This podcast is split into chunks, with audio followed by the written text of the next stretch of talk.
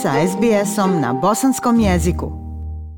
Iša, pozdrav tebi i slušateljima SBS radija. Vijeće ministara Bosne i Hercegovine na telefonskoj sjednici 17. maja nije usvojilo odluku o odobravanju sredstava za predstojeće opće izbore koji su, kao što znate, raspisani za 2. oktobar. Podsjetiću, potrebno je 12,5 miliona konvertibilnih maraka za organizaciju izbora, a krajnji datum za osiguranje novca bio je upravo 19. maj, s obzirom na to da je Centralna izborna komisija Bosne i Hercegovine izbore raspisala 4. maja. Na ovoj sjednici ministri HDZ-a u vijeću ministara glasali su protiv ove odluke, dok su za bili SDA, SNSD i DF. Ministri su na zahtjev Centralne izborne komisije glasali o prijedlogu odluke o odobravanju raspodjele i korištenju dijela prenesenih sredstava akumuliranog viška prihoda iz prethodnih godina na ime rashoda programa posebne namjene u 2022. godini. E, nakon ove sjednice, zamjenik predsjedavajućeg vijeća ministara i ministar financija Vjekoslav Bevanda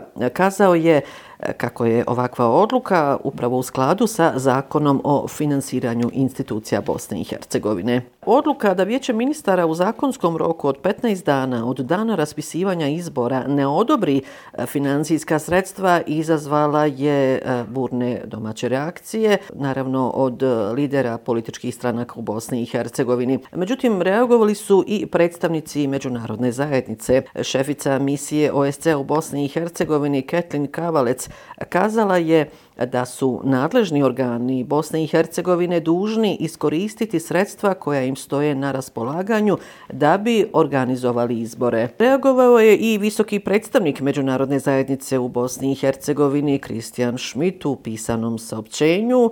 Između ostalog se kaže građanima Bosne i Hercegovine mora biti omogućeno da uživaju svoje demokratsko pravo na slobodne, fer i demokratske izbore. Nakon što je Centralna izborna komisija raspisala opće izbore, vijeće ministara i svi njegovi članovi moraju bez odlaganja ispuniti svoje obaveze i osigurati sredstva koja su neophodna za održavanje izbora. Organi vlasti i izabrani zvaničnici moraju biti odgovorni građanima, stoji u pisanom saopćenju iz ureda OHR-a. E, također su reagovali e, i predstavnici e, ambasade Sjedinjenih američkih država u Bosni i Hercegovini te njemačke ambasade.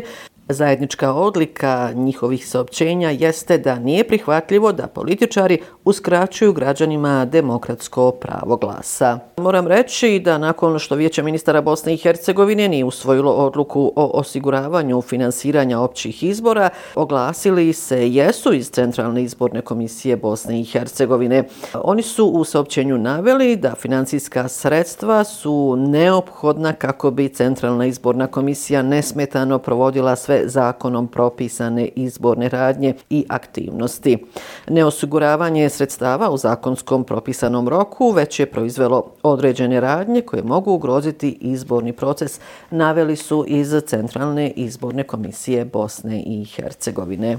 17. maja održana je sjednica predsjedništva Bosne i Hercegovine i nakon te sjednice e, jedino se novinarima obratio član predsjedništva Milorad Dodik. On je pojasnio novinarima da je na sjednici zatražio ostavku predsjedavajućeg predsjedništva Šefika Džaferovića zbog kako je rekao novinarima kršenja Ustava Bosne i Hercegovine. Kazao i da će on, ako Džaferović neće to učiniti, pokrenuti postupak za njegovu smjenu. E, Dodik je također rekao i da je podnio krivičnu prijavu protiv ministrice vanjskih poslova Bosne i Hercegovine Bisere Turković zbog, kako je pojasnio, neusaglašenog djelovanja prema međunarodnoj zajednici. Poslušajte evo kratko obraćanje Milorada Dodika novinarima nakon sjednice predsjedništva Bosne i Hercegovine. Zato što je prekršio sve odredbe člana 6 poslovnika o radu i prekršio ustav zato što unilateralno djeluje mimo poslovnika o radu koji jasno da kaže da predsjedavajući predstavlja predsjedništvo, a ne sam sebe ili politike koje on zagovara. I da u tom pogledu veoma je jasno da e, predsjedavajući predsjedništva u članu 6.d kaže se nesumnjivo zastupa usaglašene saglašene stavove predsjedništva. Znači, Džaferović odlazi na međunarodne skupove, bez odluke predsjedništva i odlazi i tamo govori svoje privatne stavove u ime predsjedništva čime krši poslovnik i zato sam zatražio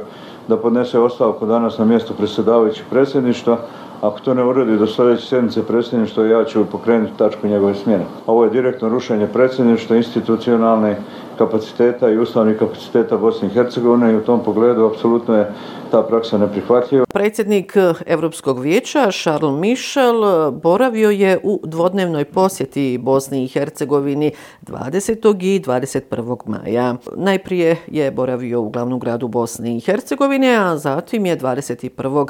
otišao u Mostar. U Sarajevu se u zgradi predsjedništva Bosne i Hercegovine susreo sa E, članovima predsjedništva, predsjedavajućim Šefikom Džaferovićem i članom Miloradom Dodikom. Zbog oporavka nakon operativnog zahvata Kičme, član predsjedništva Željko Komšić ovom sastanku nije mogao prisustovati. Tema sastanka u predsjedništvu Bosne i Hercegovine naravno bila je vizija uređenja Evrope, dakle i budućnost Bosne i Hercegovine u Evropskoj uniji. A iša moram reći da je ovo prvi put da Charles Michel boravi u posjeti Bosni i Hercegovini. Naglašeno je kako Bosna i Hercegovina ima jasnu evropsku perspektivu, a da evropska geopolitička zajednica nije zamjena za evropski put država Zapadnog Balkana, već mogućnost da se u veći oblik saradnje sa Evropskom unijom integriraju balkanske države, iako se još uvijek ne zna šta bi to tačno značilo. Poslušajte šta je pored ostalog novinarima kazao Charles Michel. Važno mi je da sam danas u posjeti Bosne i Hercegovine kako bih iznova potvrdio naše opredjeljenje evropskom putu Bosne i Hercegovine.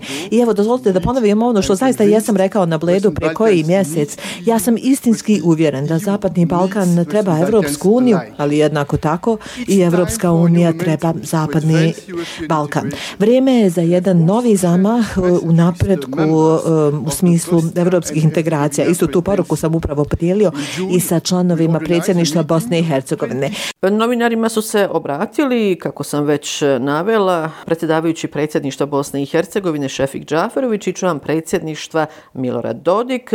Predsjedavajući predsjedništva Bosne i Hercegovine Šefik Džaferović kazao je novinarima da je na sastanku jasno rekao da u Bosni i Hercegovini svi moraju poštovati ustav i zakone i sve što imamo unutar Bosne i Hercegovine. Poslušajte obraćanje e, predsjedavajućeg predsjedništva Bosne i Hercegovine Šefika Čaferovića. Na današnjem sastanku je potpuno jasno kazano da Bosna i Hercegovina i sve države Zapadnog Balkana imaju vrlo jasnu evropsku perspektivu. Zatim je kazano da treba tražiti modalitete snažnije saradnje Evropske unije i država Zapadnog Balkana dok traje proces pristupanja Evropskoj uniji. Danas sam zamolio predsjednika Evropskog vijeća da pomogne Bosni i Hercegovini da što prije dobijemo kandidatski status za članstvo u Evropskoj uniji, jer to je nešto što bi značajno relaksiralo odnose unutar Bosne i Hercegovine. Član predsjedništva Bosne i Hercegovine Milorad Dodik u svom obraćanju novinarima kazao je da Bosna i Hercegovina treba novu evropsku perspektivu i da upravo Charles Michel, dakle iz Evropskog vijeća, nudi takvu strategiju. Evo i obraćanja e, člana predsjedništva Bosne i Hercegovine Milorada Dodika. Smatram da je Evropska komisija bila nepravedna i preoštra prema Bosni i Hercegovini zadnji zadnjih 15-20 godina tražeći gotovo nemoguće ispunjavanje određenih uslova. Onda kada smo nešto i uspjeli, onda su to uvijek dolazili neke novi zahtjevi. Ja sam danas gospodinu Mišelu predložio i mislim da se i gospodin Džaferović kod toga slaže, da napravimo jednu selekciju od tih 14 prioriteta i završimo 5, 6 ili 5 oni koji su važni, a treba već imamo dogovorana kako bismo mogli da sa određenom sigurnošću znamo da Bosna i Hercegovina može preferirati i dobiti kandidatski status u Europskoj uniji. To bi ovdje bila nova dinamika za kraj ovog javljanja iša još jedna informacija. Na ime za 23. maj sazvana je hitna sjednica Doma naroda Parlamentarne skupštine Bosne i Hercegovine na kojoj bi e, jedina tačka dnevnog reda trebala biti upravo osiguranje financijskih sredstava za održavanje općih izbora u Bosni i Hercegovini. Eto, ovom informacijom završavam i ovo sedmično javljanje iz glavnog grada Bosne i Hercegovine. Još jednom vam lijepe pozdrave iz Sarajeva šalje Semra Duranović-Koso. SBS na bosanskom. Podijelite naše priče preko Facebooka. Želite poslušati još ovakvih priča? Slušajte preko Apple podcasta, Google podcasta, Spotify ili kako god da primate svoje podcastove.